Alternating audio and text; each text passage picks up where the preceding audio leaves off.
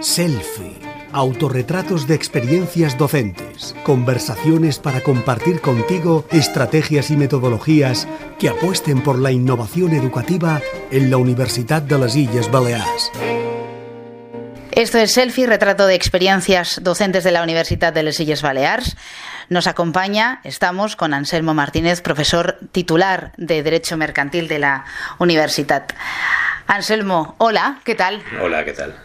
¿Qué juicio te viene a la cabeza casi sin pensar y que recuerdes de una manera vívida, de una manera como si hubiera ocurrido hace prácticamente poco tiempo? Juicio que haya vivido yo personalmente, mm, tal vez el último arbitraje en el que estuve, eh, que fue bastante interesante y fue un juicio de tres días de vistas orales.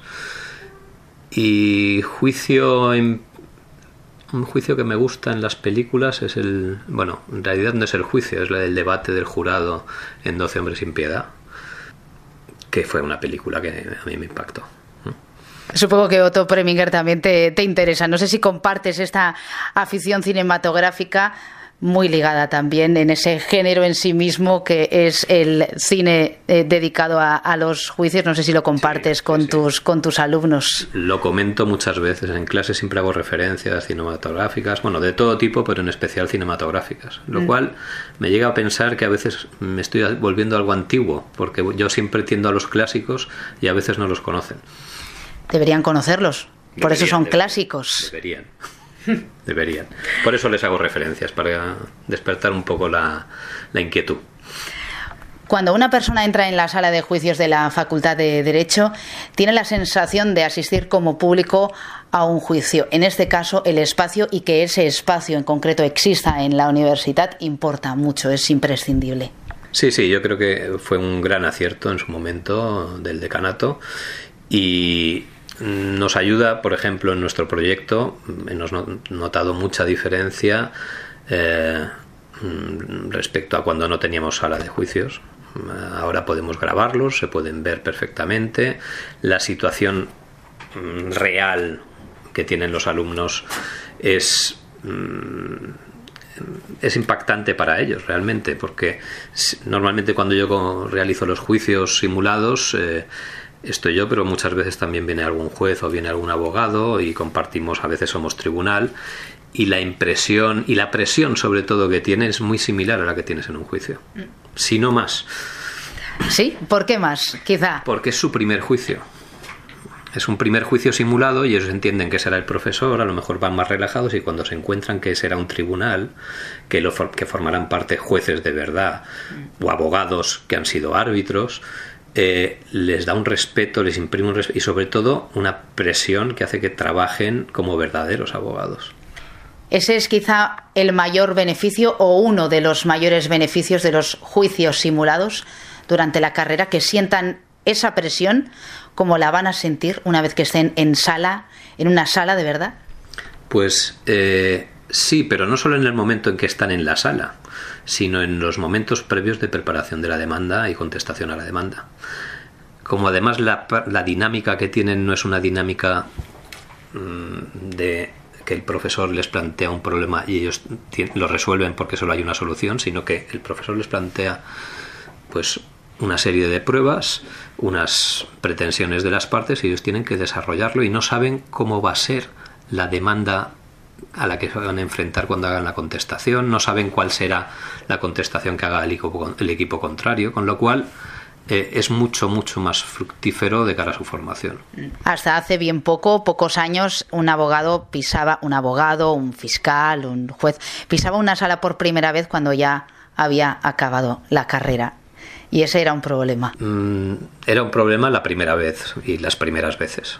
Eh, pero es verdad que eh, esta oportunidad de poderlo hacer previamente eh, a mis exalumnos que han pasado por estos juicios simulados les ha servido de mucho. Todos, todos, prácticamente todos, salvo una que no se ha dedicado a hacer juicios, sino que es fiscal, pero todos han sido abogados en ejercicio y, todavía están ejerciendo y siempre que me encuentro con ellos me lo recuerdan y les dicen lo bien que les fue la práctica, incluso cuando lo hicieron mal, porque la tensión a veces juega malas pasadas.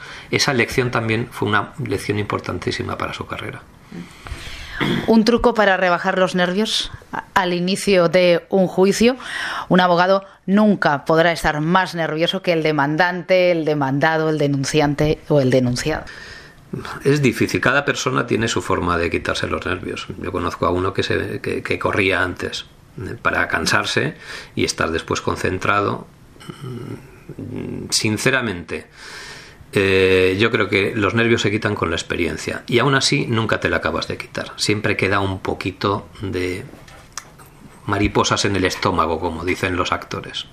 Esas son necesarias porque hacen que aquello que en lo que estás trabajando te lo tomes en serio.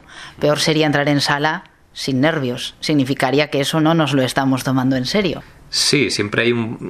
Yo no diría tanto nervios, sino tensión. Tiene que haber tensión, una tensión.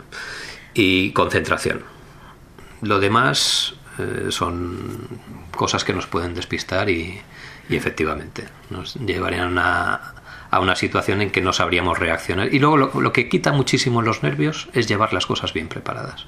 Eso es lo que quita más los nervios ¿Se trabaja con casos reales? Se trabaja con casos inspirados en casos reales y complejos. No pueden ser con casos reales exactamente porque normalmente las empresas no nos dejan dar excesivos detalles, porque en los casos reales aparecen informaciones que son confidenciales. Eh, pero mm, sí prácticamente reales. Eh, desde luego las dinámicas y las informaciones eh, son bastante similares, nunca idénticas, pero bastante similares. Y desde luego el problema es el mismo. Mm. ¿Algún juicio simulado que recuerdes de modo especial? ¿Algún alumno que te haya sorprendido porque en clase parecía una persona introvertida y después, una vez en sala, se ha crecido como persona y como futuro profesional del derecho? Pues he tenido varios casos. Eh, bueno, el que más me chocó no fue precisamente por ese motivo, fue porque eh, yo estaba de árbitro y una alumna se desmayó cosa que no me había pasado nunca y ni me ha vuelto a pasar. ¿eh? A raíz en los arbitrajes hay preguntas por parte de los arbitrajes y los juicios simulados estilo anglosajón, por ejemplo, son unos juicios en los que el juez o el árbitro mm, pregunta. De manera neutral, simplemente para pedir más información y formarse su, su idea eh, sobre la que va a resolver. Cosa que no ocurre tanto en los juicios en España. ¿no? Y eso mm, genera tensión, genera tensión añadida dentro de los eh, ponentes porque a lo mejor no se han esperado esa pregunta. Normalmente, si lo llevan preparado, no hay problema. Eh, ahora me he estado un poco oyendo de la pregunta, pero en cuanto a alumnos que he tenido, sí que no quiero decir nombres porque en realidad hay muchos que han sido muy buenos. Cada año hay dos o tres espectaculares. Pero sí te podría decir que hay alumnos míos muy brillantes que están trabajando en grandes despachos como Garrigues, eh, otros muy brillantes que están trabajando en Bombardier en Australia, porque además como lo hacíamos a nivel, eh, en algunos años lo hemos hecho en inglés, otros solo en español, eh, con lo cual mm, hay alumnos que están en grandes multinacionales ahora mismo. en el departamento jurídico o en despachos internacionales y los que están en los que lo han hecho en español la verdad es que están prácticamente todos en grandes despachos Estás escuchando Selfie, el espacio para que descubras las experiencias docentes más innovadoras de la Universidad de las Islas Baleares. Además es muy interesante algo que ya comentas durante tu charla en la experiencia docente que tuvisteis también compartiendo con el resto de docentes, cuáles son sus metodologías. Comentas lo interesante que es para los alumnos el reto de enfrentarse a universidades extranjeras. Eso ya en sí mismo les hace sentirse importantes, que es algo que tú mismo comentas. Háblanos también de esa experiencia tan interesante y tan enriquecedora para estos profesionales del futuro. Es muy enriquecedor porque eh, cuando están trabajando aquí en esta universidad se sienten como bichos raros. Están haciendo algo que no se valora mucho a efectos académicos, me refiero en cuanto a notas y promedio de notas, que les quita mucho tiempo. Eh, y están analizando igual un caso durante dos o tres meses, porque son casos complejos. eh, y después de los dos o tres meses en que han redactado una demanda, se han enfrentado a una demanda que ha venido de una universidad extranjera. Alguna vez fue Harvard, otra vez fue la Nacional de Indonesia, a muchísimas, te podría decir muchísimas universidades a las que nos hemos enfrentado y con éxito mm, mm, gran parte de veces, otras veces mm, con éxito siempre. A veces hemos ganado y otras veces no hemos ganado.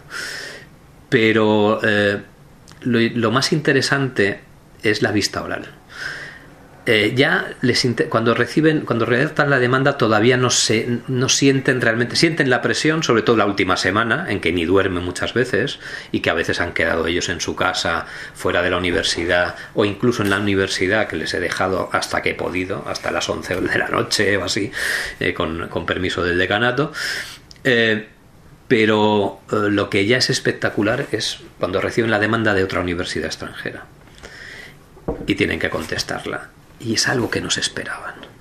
Y, son enfrentamientos y además es que se enfrentan a otras culturas. Muchas veces en nuestro equipo tenía fama porque siempre había algún extranjero, incluso a veces dos, con lo cual se crean unas dinámicas muy interesantes porque aunque sean jóvenes, son jóvenes de diferentes países y con diferentes concepciones, incluso jurídicas.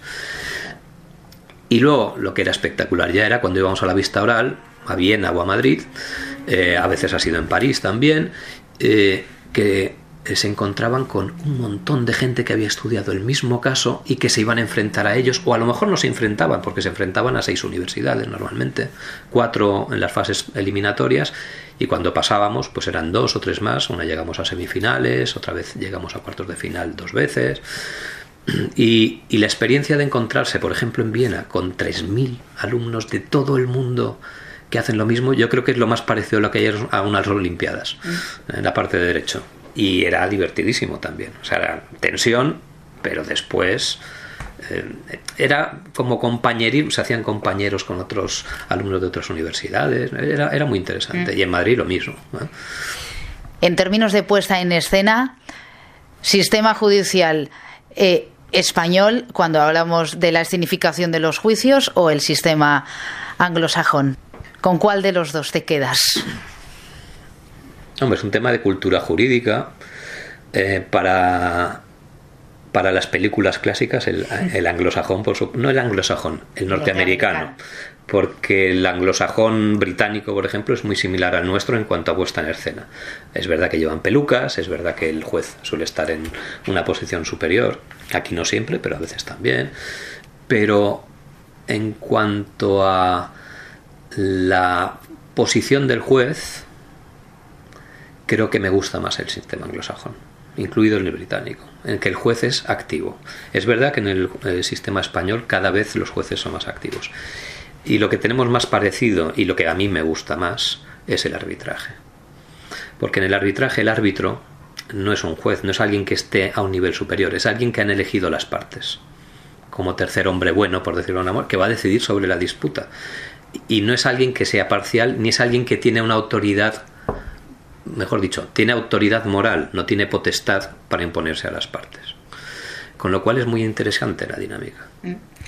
Juicios simulados en pandemia con clases online. Si los juicios reales están siendo telemáticos, los simulados también lo han sido durante el tiempo de las clases online. No se han hecho. No se han hecho. ¿Se podría adaptar en cualquier caso? Se podría adaptar porque de hecho mm, yo he asistido ahora como árbitro mm, eh, a un juicio online. Eh, de hecho, también los juicios reales está, se están realizando por online también.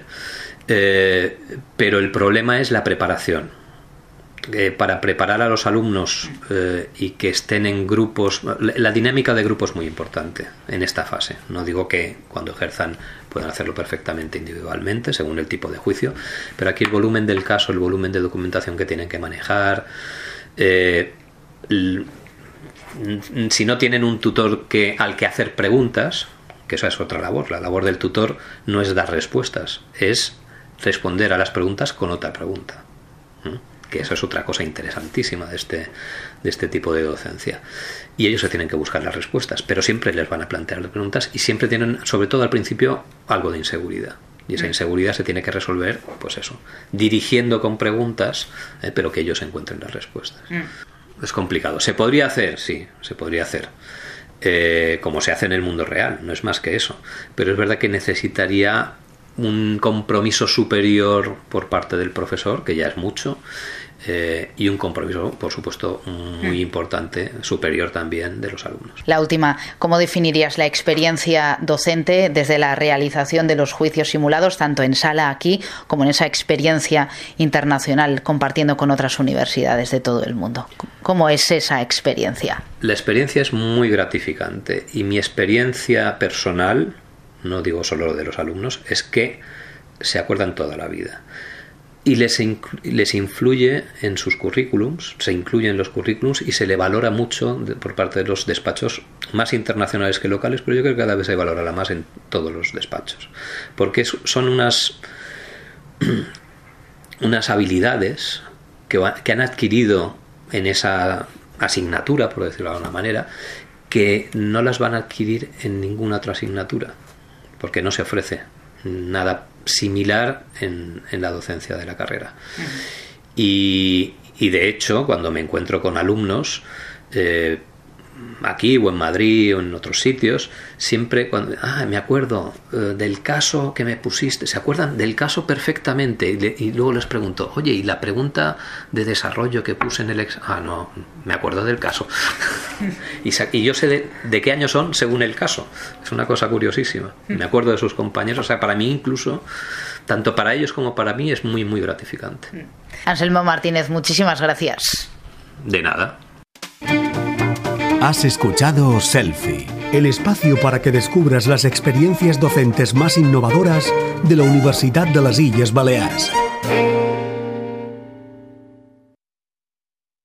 Selfie Autorretrat d'experiències docents universitàries és fruit de les segones jornades d'experiències docents de la Universitat de les Illes Balears que tingueren lloc al gener de 2020. Els docents que apareixen en aquest treball són tots els qui varen participar en aquestes jornades exposant-hi i compartint-hi les seves aportacions innovadores. Aquesta publicació és possible gràcies a la convocatòria d'ajuts al Fons de Cooperació Universitària 2020 BDNS 495431 del Departament de Cultura, Patrimoni i Política Lingüística del Consell de Mallorca.